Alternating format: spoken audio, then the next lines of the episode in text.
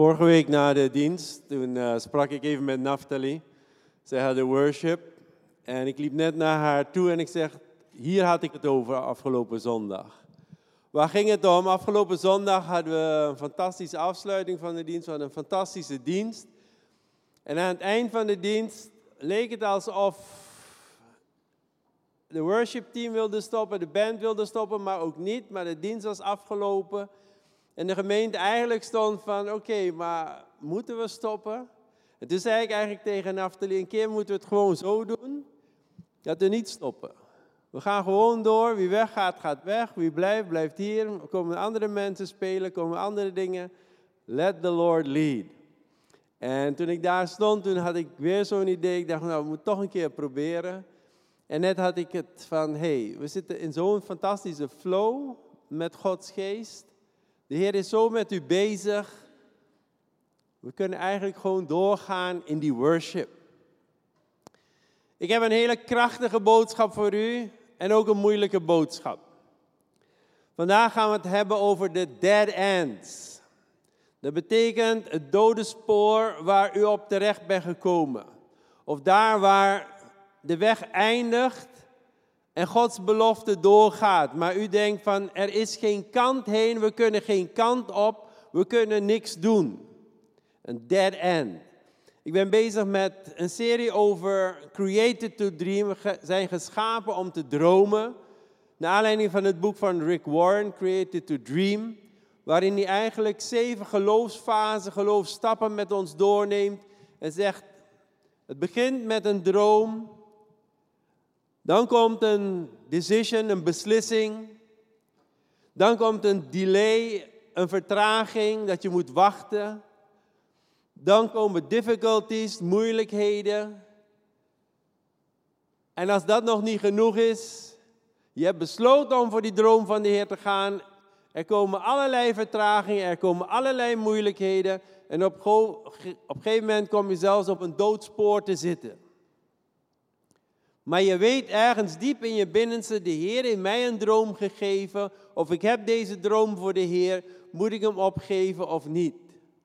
En precies dat punt, dat dead end, dat dode spoor, het moment dat je niet meer kan, is een van de meest cruciale momenten in een droom.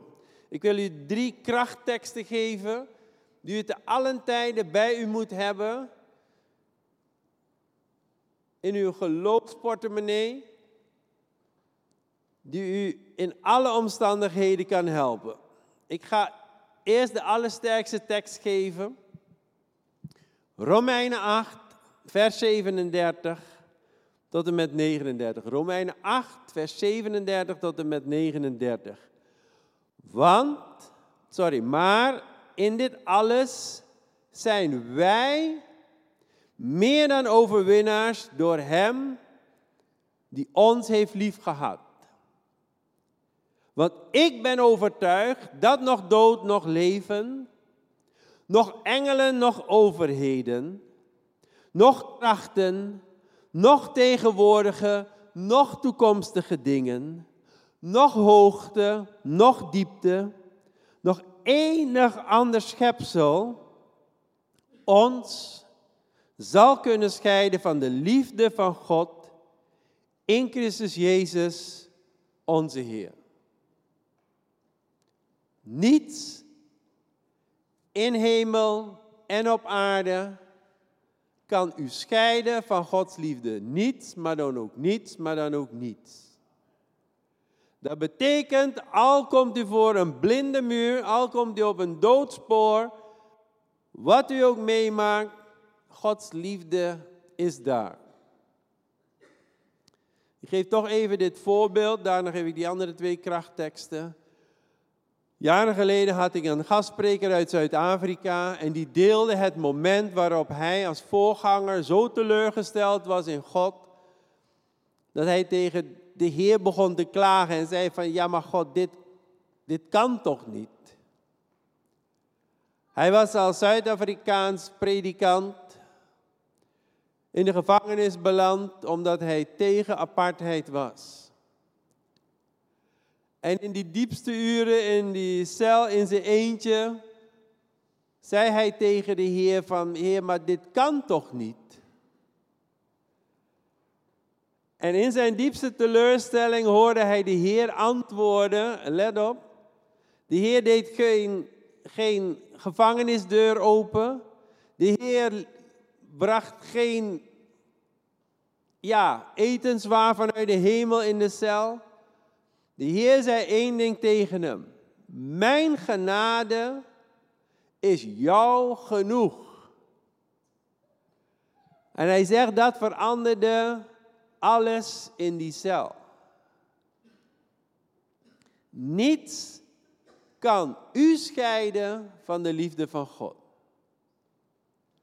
Dus bent u op een doodspoor, bent u bij een dead end, lukt het niet en ik wil even echt dat u verder gaat en voor God vandaag alles openzet in uw leven wat niet is gelukt, waar u teleurgesteld over bent geraakt, wat een doodspoor is waarvan u denkt, ik dacht dat een droom van God is, maar het is helemaal niks geworden. Maar al die dode puntjes in uw, in uw leven. Als u naar de kapper gaat, ja, bij mij gebeurt het niet meer. Maar als je naar de kapper ging, ik had vroeger ooit lang haar, you won't believe it. En dan gingen ze eerst de dode puntjes eraf knippen. En dan gingen ze kijken wat voor koep. Eerst die dode puntjes eraf en daarna komt de Heer met de koep. Eerst die dingen afronden die u nog niet hebt afgerond met de Heer. En geef al die dode puntjes van uw leven of punten, geef ze aan de Heer. En de Heer gaat als meesterkapper gaat hij knippen. En daarna gaat hij u vragen, wat voor model wil je? Want die dode puntjes moeten eraf. De tweede krachttekst.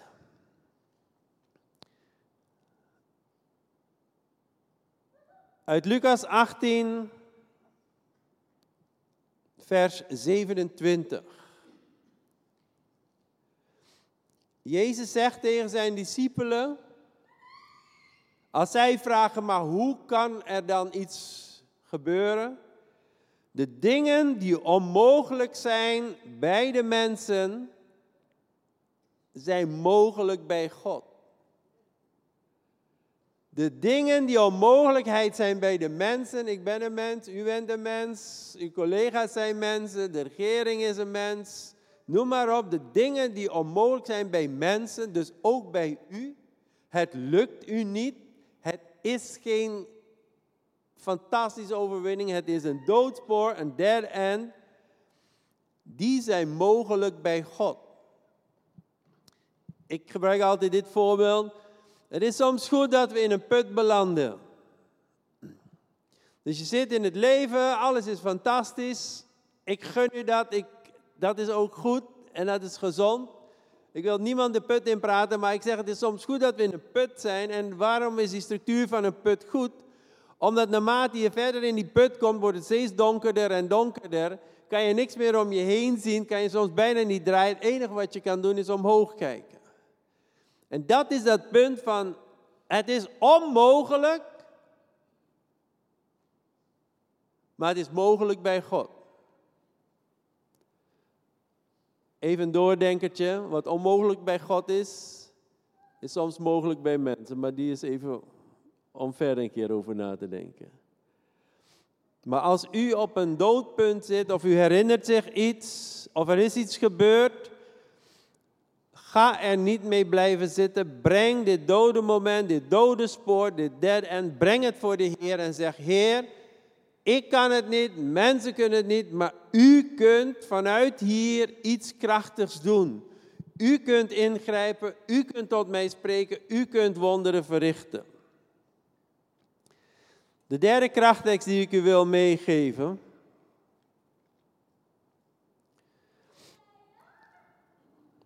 ja, ja.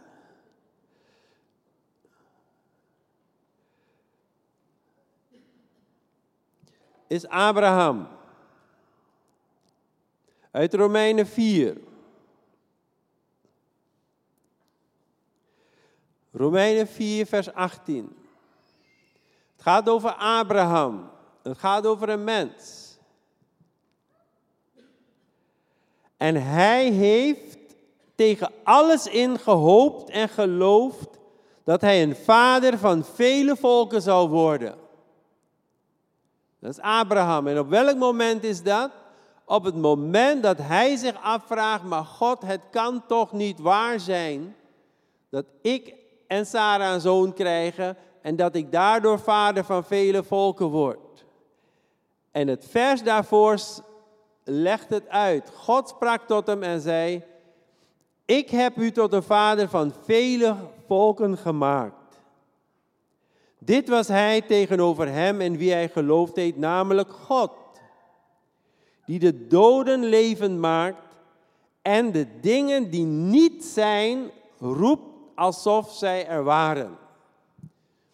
Die de doden tot leven maakt en de dingen die niet zijn, roept alsof hij ze tot, alsof zij er waren. En dan moet u eigenlijk teruggaan naar Genesis 1. Hoe schept God? Hoe schept God? Wat denkt u? En het maakt eigenlijk niet uit wat u denkt, wat staat er?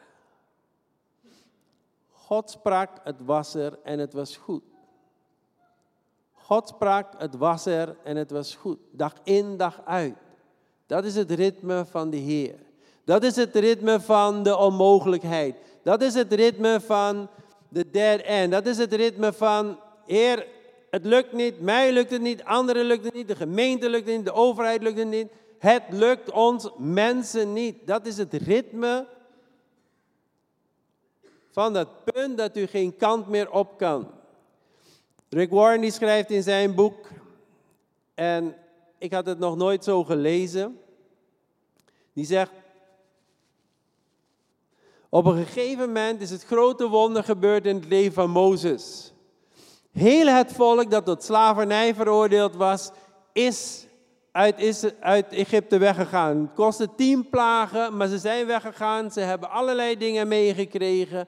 En dan zijn ze op de vlucht en dan gaat het goed en dan is er bevrijding en dan allerlei lofliederen en alles.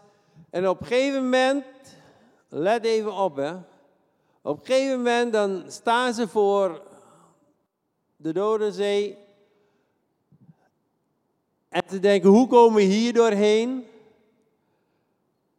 En alsof in een film komt er nog een moeilijke factor bij. Ineens worden ze achtervolgd door de Egyptenaren die zeggen, ja, ik wil jullie toch terug als slavenvolk. En wat gebeurt er dan? En dat gebeurt met ieder van ons. Dan gaat Israël klagen. En zeggen, liever had je ons daar gelaten, bla bla bla. u moet maar even nalezen, maar ze gaan tekeer tegen Mozes. Maar u weet het wonder dat gebeurt. Die zee gaat uit elkaar. Wat niet is, roept de Heer tot aanzijn. Ze gaan er doorheen en hun achtervolgers kunnen daar niet doorheen. Het is niet de weg die God voor hun heeft vrijgemaakt. En Rick Warren die zegt, de Heer wilde hun juist op dat punt hebben van die, van die Rode Zee, van die achtervolging, van geen kant op kunnen, niet vooruit, niet achteruit, omdat zij op Hem moesten vertrouwen. Ik weet niet of het voor al uw dode punten geldt, maar ik denk dat er zeker één, twee of drie zijn, en misschien zitten er middenin, waarvan u zegt, ik kan, ik kan geen kant op, niet naar links, niet naar rechts, niet naar voren, niet naar achter, ik kan geen gat graven, ik kan niet omhoog springen, ik zit muurvast. It's a dead end. En er komt geen beweging in. Het is een lost case, een verloren zaak. En dan heeft u die drie krachtteksten. En dan ga ik nog een verhaal erbij gooien wat u kent om het te illustreren. God die de doden leven maakt en de dingen die niet zijn, roept alsof zij er waren. let even op, hè. U denkt dat God dagen, uren, maanden, jaren nodig heeft om dat te doen wat u nodig heeft. Maar staat hier, als God roept, brengt hij iets tot aanzijn wat er niet was. Dus het is gewoon, God zegt het en het is er. Nu ga ik naar dat verhaal wat ik met u wil delen en het is een prachtig verhaal. Je dient de Heer je hele leven lang. Je vrouw dient de Heer je hele leven lang.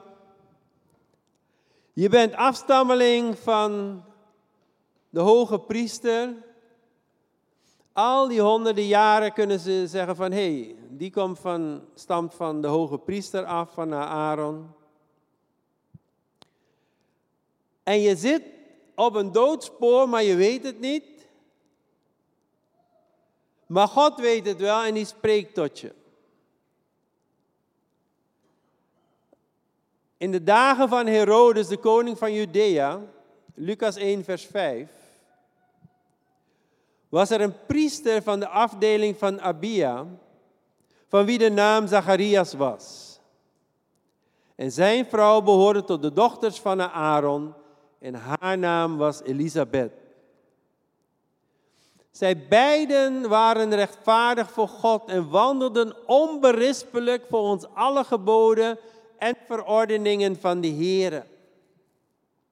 En toch was er iets in hun leven wat een doodspoor was. En het wordt in het volgende vers genoemd. En zij hadden geen kind. Omdat Elisabeth onvruchtbaar was en zij beiden op leeftijd gekomen waren. Maar daar waren ze overheen. Ze hadden het achter zich gelaten. Ze wisten, dit is het. Wij dienen de Heer. Wij gaan geen kinderen krijgen. It's not gonna happen. We hebben dat geestelijk afgesloten. We zijn content. We hebben veel neefjes en nichtjes. We zorgen voor allerlei mensen op geestelijk niveau. Wij zijn tevreden. Maar het was Iets wat in hun niet leefde. Terwijl hij het priesterambt bediende voor God, toen het de beurt was aan zijn afdeling, gebeurde het. Dat hij volgens de gewoonte van de priesterdienst door loting werd aangewezen om de tempel van de Heere binnen te gaan en het reukoffer te brengen. En de kans dat dat zou gebeuren was heel klein, want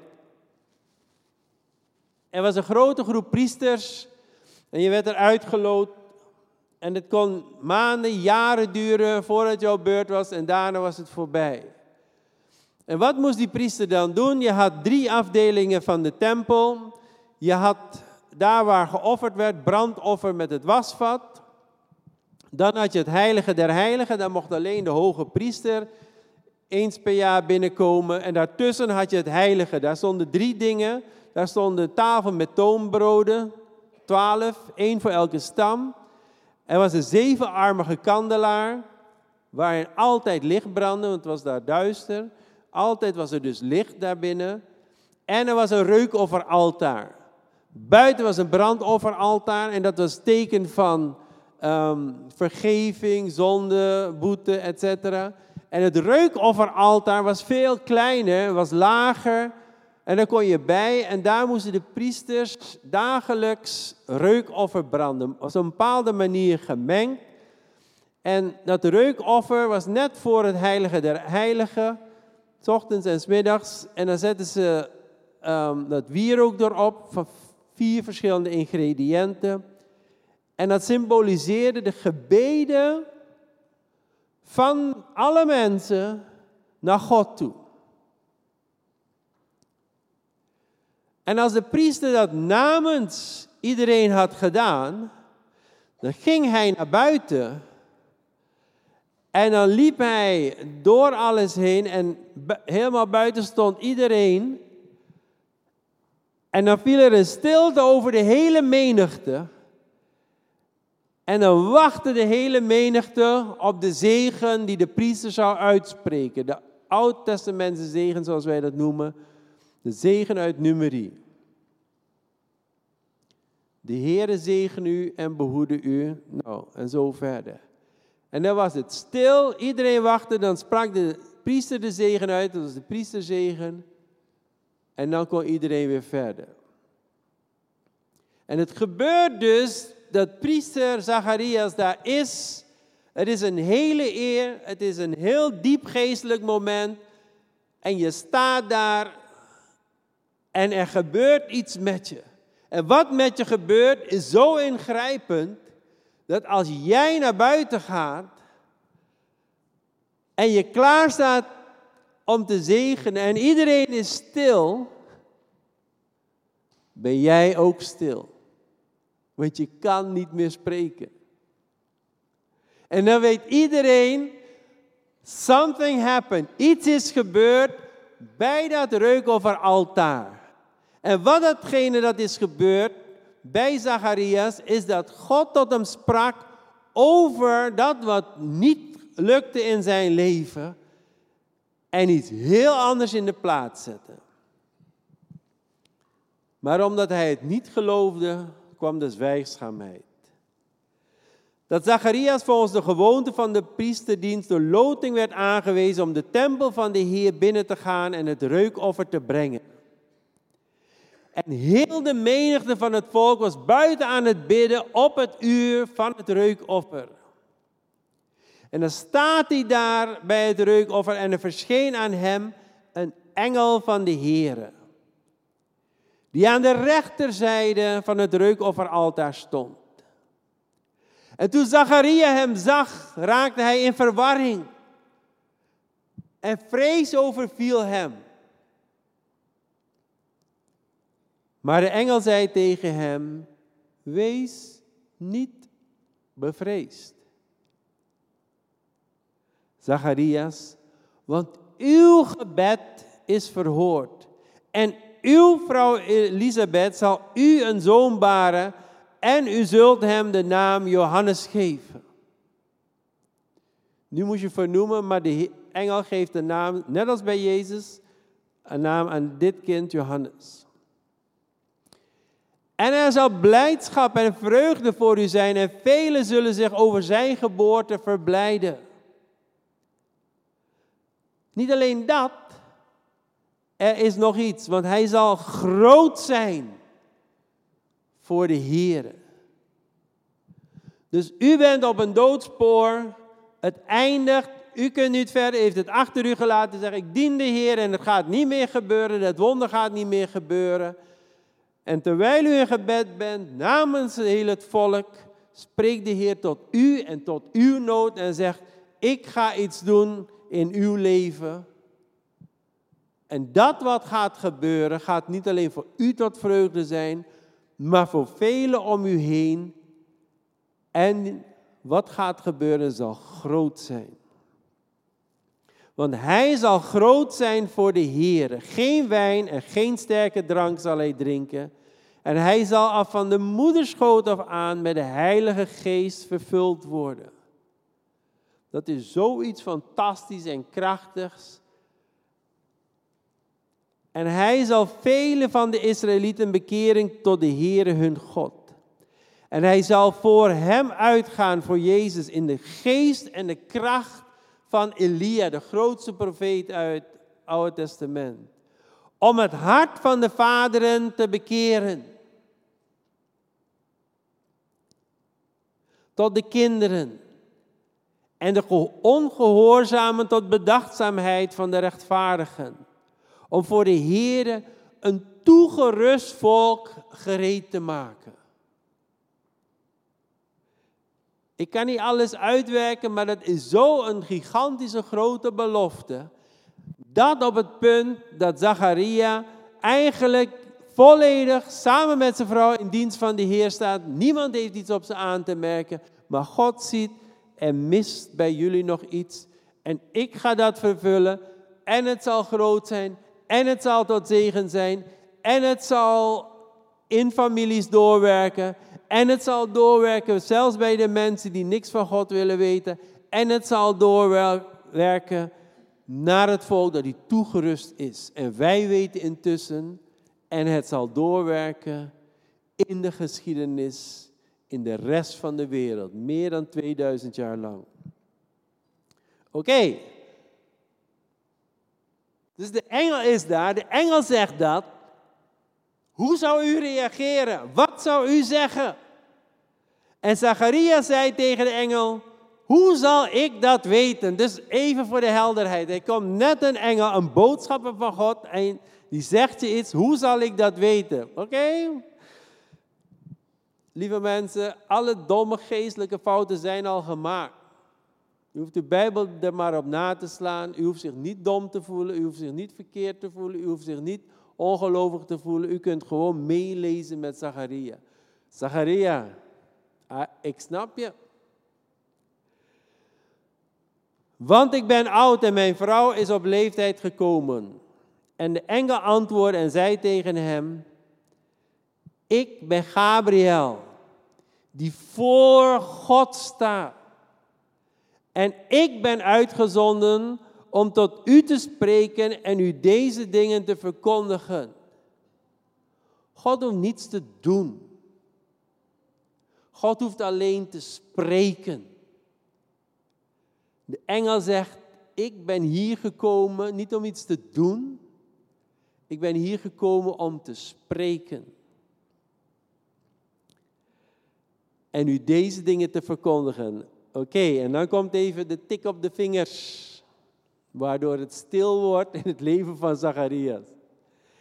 En zie, u zult zwijgen en niet kunnen spreken tot op de dag dat deze dingen gebeurd zijn. Gewoon een simpele vraag.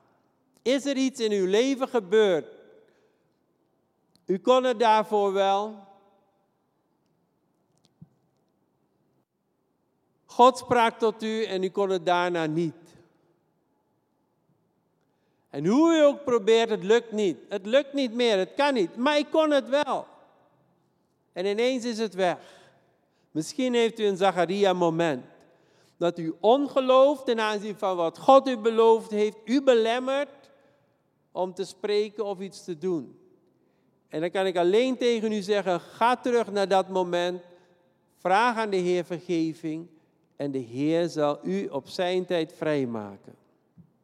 En zie, u zult zwijgen en niet kunnen spreken tot op de dag dat deze dingen gebeurd zijn, omdat u mijn woorden niet geloofd hebt, die vervuld zullen worden op hun tijd. Die engel Gabriel zegt niet van, ik ben gekomen, ik heb het verteld, ik neem, jij gelooft niet goed, ik neem het weer naar boven, we wachten een andere priester morgen af, geven we dan, nee. God heeft besloten God verandert zijn plan niet. Het blijft het plan, maar hij krijgt een tik op de vingers. En het volk stond te wachten op Zacharias en ze waren verwonderd dat hij zo lang in de tempel bleef. Want je kon samen met hem in gebed gaan in dat uur, maar je kon niet weg totdat de priester naar buiten was gekomen om de zegen te geven. Ja, weet je, ik heb nog een afspraak, ik moet dit, ik moet dat. nou, oké. Toen hij naar buiten kwam, kon hij niet tot hen spreken. Dus het enige wat je moet doen op dat moment als priester, is het volk vertegenwoordigen voor God. Die brengt die gebeden. En als je klaar bent, God vertegenwoordigen naar het volk toe en die spreekt de zegen uit. En dat kan je niet. Zij begrepen dat hij een verschijning in de tempel gezien had. Hij wenkte hun toe en bleef stom. Is dat niet een fantastische illustratie van iemand die niet bewust is dat er een doodpunt in zijn leven is? God spreekt dat dode punt aan. En die persoon realiseert zich dat op dat moment en denkt, ja maar, it's not gonna happen, het kan niet, hoe dan? Zullen naar de Heer toe gaan met alles wat zullen gaan staan, zullen naar de Heer toe gaan met alles wat bij ons dood is.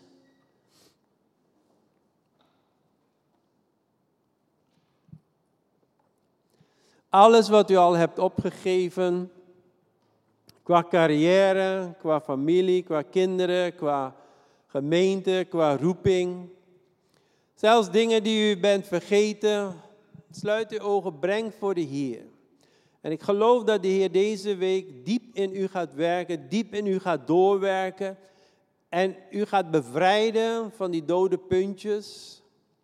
En u gaat aanspreken op de punten waar u het moeilijk heeft om te geloven in Gods belofte. Maar ik wil u aanmoedigen om die drie Bijbelteksten, die krachtteksten en dit Bijbelverhaal gewoon voor u te houden deze week. En te zeggen, Heer, op mijn doodste punt kan ik mezelf niet redden. Ik kan mezelf niet eruit tillen. Anderen kunnen het niet. Maar spreekt u vanuit uw hemel, Heilige Geest. Spreekt u in ons hart. Spreekt u in onze gedachten. Spreekt u in ons lichaam. Spreekt u in onze ziel. Spreekt u in onze geest. Spreekt u in onze gezinnen. Spreekt u in onze relaties. Spreekt u in ons werk. Spreekt u in onze gemeente. En niet alleen deze gemeente, maar al de gemeenten hier in Den Haag. Al de gemeenten in Nederland, Heer. Want het lijkt van buiten alsof wij op een doodpunt zitten in Nederland.